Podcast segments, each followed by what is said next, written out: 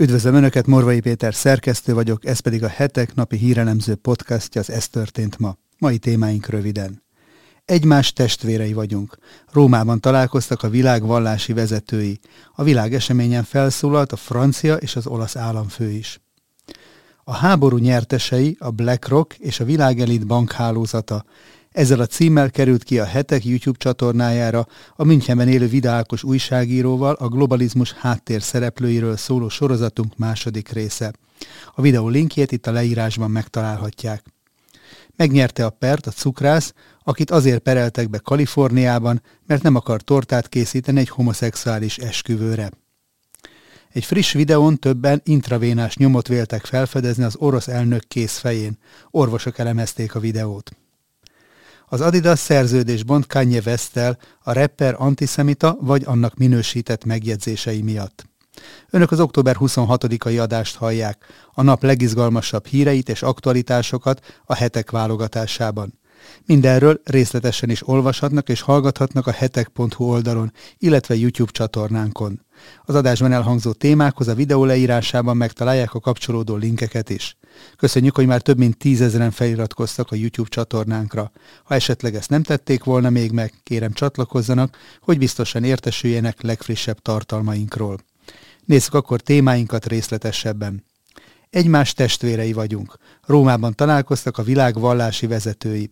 A világ eseményen felszólalt a francia és az olasz államfő is.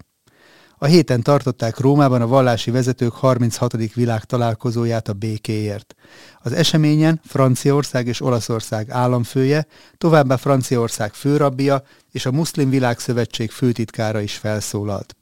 Végül pedig Ferenc pápa mondta el üzenetét. Sergio Mattarella, olasz köztársasági elnök beszédében elmondta, hogy szent háború nem létezik, annál inkább szükség van szent békére. Szerint az Ukrajna elleni orosz agresszió a nemzetközi élet valamennyi szabályát, elvét és értékét felrúgja, és a nukleáris háború veszélyével is fenyeget. Emmanuel Macron, francia államfő pedig hangsúlyozta, hogy a jelenlegi helyzetre az jellemző, hogy sokan beszélnek a győzelemről, mint célról, a békéről szólni azonban ennek fényében nem könnyű, sőt, egyesek számára árulásként hat. Macron kifejtette, hogy várakozásai között szerepel, hogy a vallások úgymond álljanak ellen, amikor a hatalom saját céljaira akarja felhasználni őket, és amikor velük akarja igazoltatni az emberi jogsértéseket. A vallások sokat tehetnek a békéért, hiszen a népek lelkéhez szólnak. Szerinte fontos az, hogy az egyes vallások álljanak ellen a tisztaságra törekvés kísértésének, mivel a béke kereséséhez szükség van arra, hogy közelebb lépjünk a másikhoz, készen kibillenni saját egyensúlyunkból. A békéhez pedig át kell vennünk valamit a másikból, úgymond be kell magunkat szennyezni vele, elfogadva a különbözőségünket, mondta a francia elnök. Haim Korisa, Franciaország főrabbia úgy foglalt állást, hogy a rabbik tanítása szerint a legszebb imádság kezünk műve, hiszen Izaiás próféta is arról beszél, hogy a kardokból ekevasat kovácsoljunk. A háború morálját nyomja el a béke kiáltása, amely ajkunkról fakad. A fegyverek dörgése változzon nevetéssé, a pusztítás építésé, közös reményé. Mert van ideje a rombolásnak, de eljön az ideje az építésnek is, mondta a főrabbi. Ukrajnában most van ideje a háborúnak, de jöjjön el végre a béke ideje. Mohamed bin Abdul Karim al-Issa Sheikh, a Muszlim Világszövetség főtitkára emlékeztetett, hogy a föld megóvása közös felelősségünk, az pedig a vallási vezetők felelőssége, hogy őszintén e felelősség vállalására inspirálják a népeket. A Sheikh szerint a vallások szövetsége a közös nevezők alapján nélkülözhetetlen. Az ENSZ szerepét a sejk erősítendőnek vélte, és ostorozta a biztonsági tanács állandó tagjai által élvezett vétójogot, mint ami a világ szervezetet gyengíti, és ami véleménye szerint egyébként mélyen antidemokratikus. Az ENSZ nem engedhet abból, amire létrehozták, és ez pedig a béke biztosítása a világban.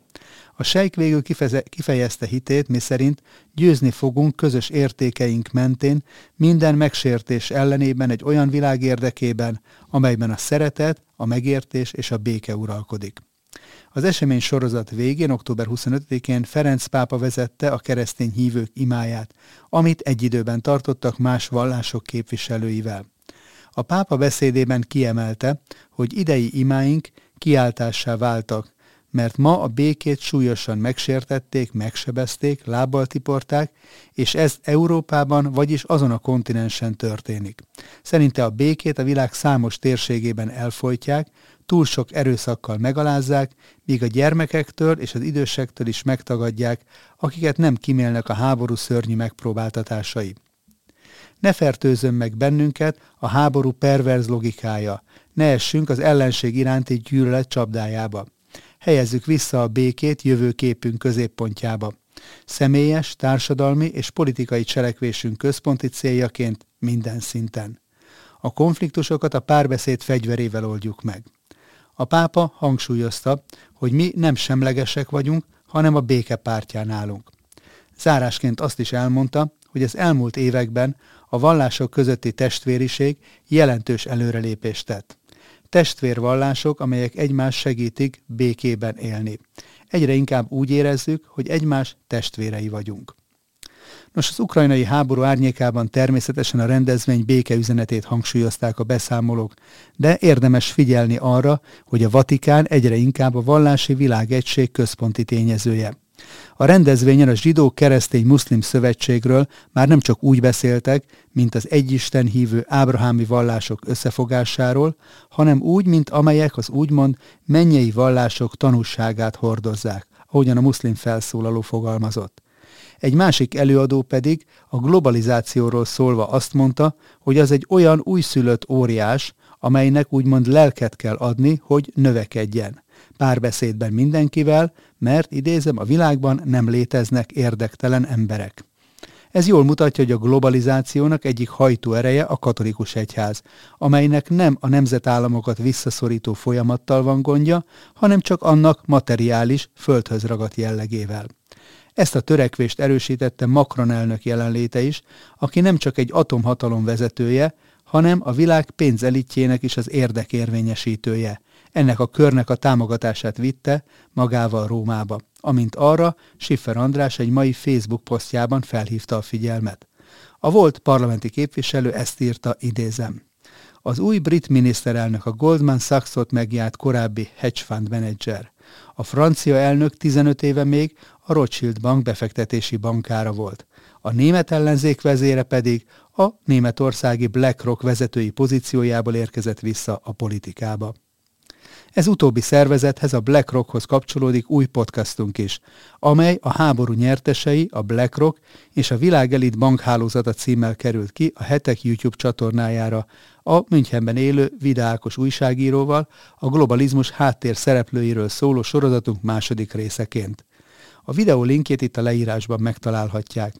Az adásban többek közt arról is beszélünk, hogy a 20. század tapasztalatai alapján mi a nemzetközi óriás vállalatok szerepe a háborúban, és mi a legnagyobb veszélye annak a tőke és hatalmi koncentrációnak, amit a BlackRock és még további két-három gigantikus tőke alap, mint a Vanguard és a Street State képvisel valamint arról, hogy milyen befolyást jelent a politikában a BlackRock gigantikus adatgyűjtő és adatelemző rendszere, az Aladdin, amely sokszor a kormányoknál is gyorsabb és pontosabb információkkal rendelkezik. Ha szeretné értesülni a következő részek megjelenéséről, kérjük iratkozzon fel a hetek YouTube csatornájára. Megnyerte a pert, az a cukrász, akit Kaliforniában pereltek be azért, mert elutasította a felkérést, hogy egy homoszexuális esküvőre készítsen tortát. A Bakersfieldi cukrászda tulajdonosának a javára döntött a kaliforniai bíróság abban az ügyben, amelyetben azért perelték be, mert elutasította a felkérés, hogy tortát készítsen egy homoszexuális esküvőre. Katie Miller, a tulajdonos, vallási meggyőződésére hivatkozva utasította vissza a megrendelést, mire a tisztességes lakhatási és munkafeltételekért felelős kaliforniai minisztérium keresetet nyújtott be ellene. Szerintük Miller diszkriminálta a homoszexuális párt, és ezzel megsértette a vonatkozó törvényeket. A védelem azzal érvelt, hogy a cukrász élt a véleménynyilvánítás jogával, amikor a keresztény meggyőződésére hivatkozva visszautasította a felkérést. Az alkotmányos jogok ugyanis felülírják a diszkrimináció ellenes törvény előírásait. Ezt az érvelést fogadta el a kaliforniai Kern megye felsőbb bírósága. Megjegyzem minden elismerésem a keresztény cukrásznak, aki vállalta a pert Amerika legliberálisabb államában. Egy friss videón többen intravénás nyomot véltek felfedezni az orosz elnök készfején. Nem meglepő módon rögtön el is indultak a találgatások, hogy vajon rákkezelésre jár-e Vladimir Putyin, vagy valami egészen más van e mögött. A videót az orosz védelmi minisztérium tette közzé múlt héten, amin az orosz elnök több katona kíséretében szemlézi és felügyeli a hadgyakorlatokat. Putyin ennek során még a mesterlövész puska kezelésében és tesztelésében is kipróbálta magát. Miután pedig felállt, az elnök kezével megfogta az egyik katona karját. Ekkor volt látható rajta a találgatások tárgyát képező nyom. Egy brit újságíró orvosokkal elemeztette a felvételt. Tom Warner a Sun című lapnak elmondta, hogy több véleményt hallott. Volt, aki szerint csak furcsa szögből dudorodó erek láthatók a képeken, míg egy nyugdíjas idegsebész szerint egyértelműen infúziós katéter nyomai láthatók.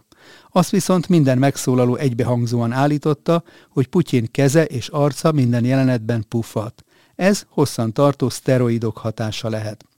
A szán felhívja a figyelmet arra, hogy az utóbbi időben az orosz elnöknek többször is láthatóan fájdalmai voltak a nyilvános szereplései alkalmával. Október elején Putyin a moszkvai Vörös téren tartott felvonuláson a fájdalomtól meggörnyedt, arca pedig begyulladt és vörös volt. Szintén fájdalmak gyötörhették, amikor néhány napja Szocsiban találkozott Alexander Lukashenko orosz, fél, fehér orosz vezetővel. A feltételezések szerint mindez arra utalhat, hogy Putyin rejtélyes betegsége, amit egy ritka fajtájú daganatos megbetegedésnek vélnek, előre haladott állapotban van, és az alapos kezelés ellenére a fájdalom az utóbbi időben nem mindig enyhült teljesen. Putyin egészségi állapotával kapcsolatosan a nyugati állítások is elhangzottak. Sir Richard Dearlove, a brit hírszerzés az MI6 volt vezetője szerint az orosz vezetőnek egészségügyi problémák miatt szanatóriumba kell majd vonulnia, és 2023-ra el fog távozni a hatalomból. Az Adidas szerződés bont Kanye west a rapper antiszemita vagy annak minősített megjegyzései miatt. A zenész közelmúltban tett kijelentései és cselekedetei elfogadhatatlanok, gyűlöletkeltők és veszélyesek, valamint sértik a cégnek a sokféleségről és befogadásról, a kölcsönös tiszteletről és a korrektségről vallott nézeteit, hangoztatta közleményében a sportszergyártó német óriás cég, amelynek saját közlése szerint akár 250 millió euró nettó bevétel kiesés is okozhat a döntés. A vállalatra egyre nagyobb nyomás nehezedett hírességek és a közösségi média szereplői részéről annak érdekében, hogy lépjen fel Kanye West ellen.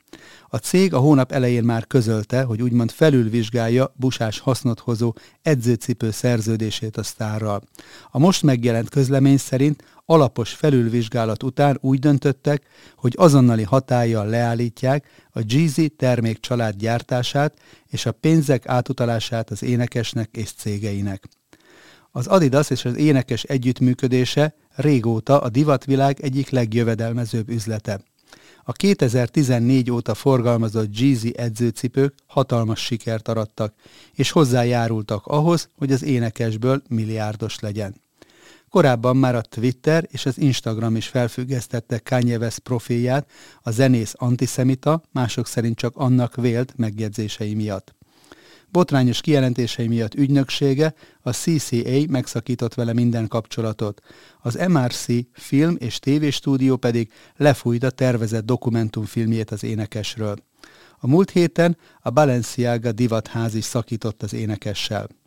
Miután a Twitter és a Facebook felfüggesztette, West bejelentette, hogy megvásárolja a Parler jobboldali közösségi platformot, ahol szabadon terjeszheti nézeteit. Megjegyzem, hogy tény, miszerint Kanye West butasságokat mondott a maga faragatlan stílusában, de szerintem irreális, amilyen neonáci antiszemitának most beállítják. Úgy tűnik, mint a, főáramú véleményvezérek most rászabadultak volna a zenészre, és egy füst alatt leverik rajta a keresztény korszakát, abortusz ellenességét és Trump támogatását. Aggasztó, hogy néhány mondatért le lehet valakit teljesen radírozni, miközben mondjuk Hunter biden a több gigabájtnyi botrányos felvételei ellenére semmi bántódást nem érte, sőt, állami védelmet kapott a kampány idején a médiában. Nos, ennyi fér bele mai ajánlónkba. Morvai Pétert hallották az Ez történt ma október 26-ai adásában. Várom Önöket holnap is aktuális hírekkel, ajánlókkal, és ha szeretnének ezekről biztosan értesülni, akkor kérem iratkozzanak fel a hetek YouTube csatornájára, ahogyan ezt már több mint tízezeren meg is tették, amit ezúton is nagyon köszönünk. Akik pedig szeretnék támogatni a hamarosan 25 éves évfordulójához érkező hetek elemző világértelmező munkáját, a leírásban szereplő linken találhatják meg az ehhez szükséges információkat. Köszönöm a megtisztelő figyelmüket, és a holnapi találkozásig további szép napot kívánok mindenkinek a viszonthallásra.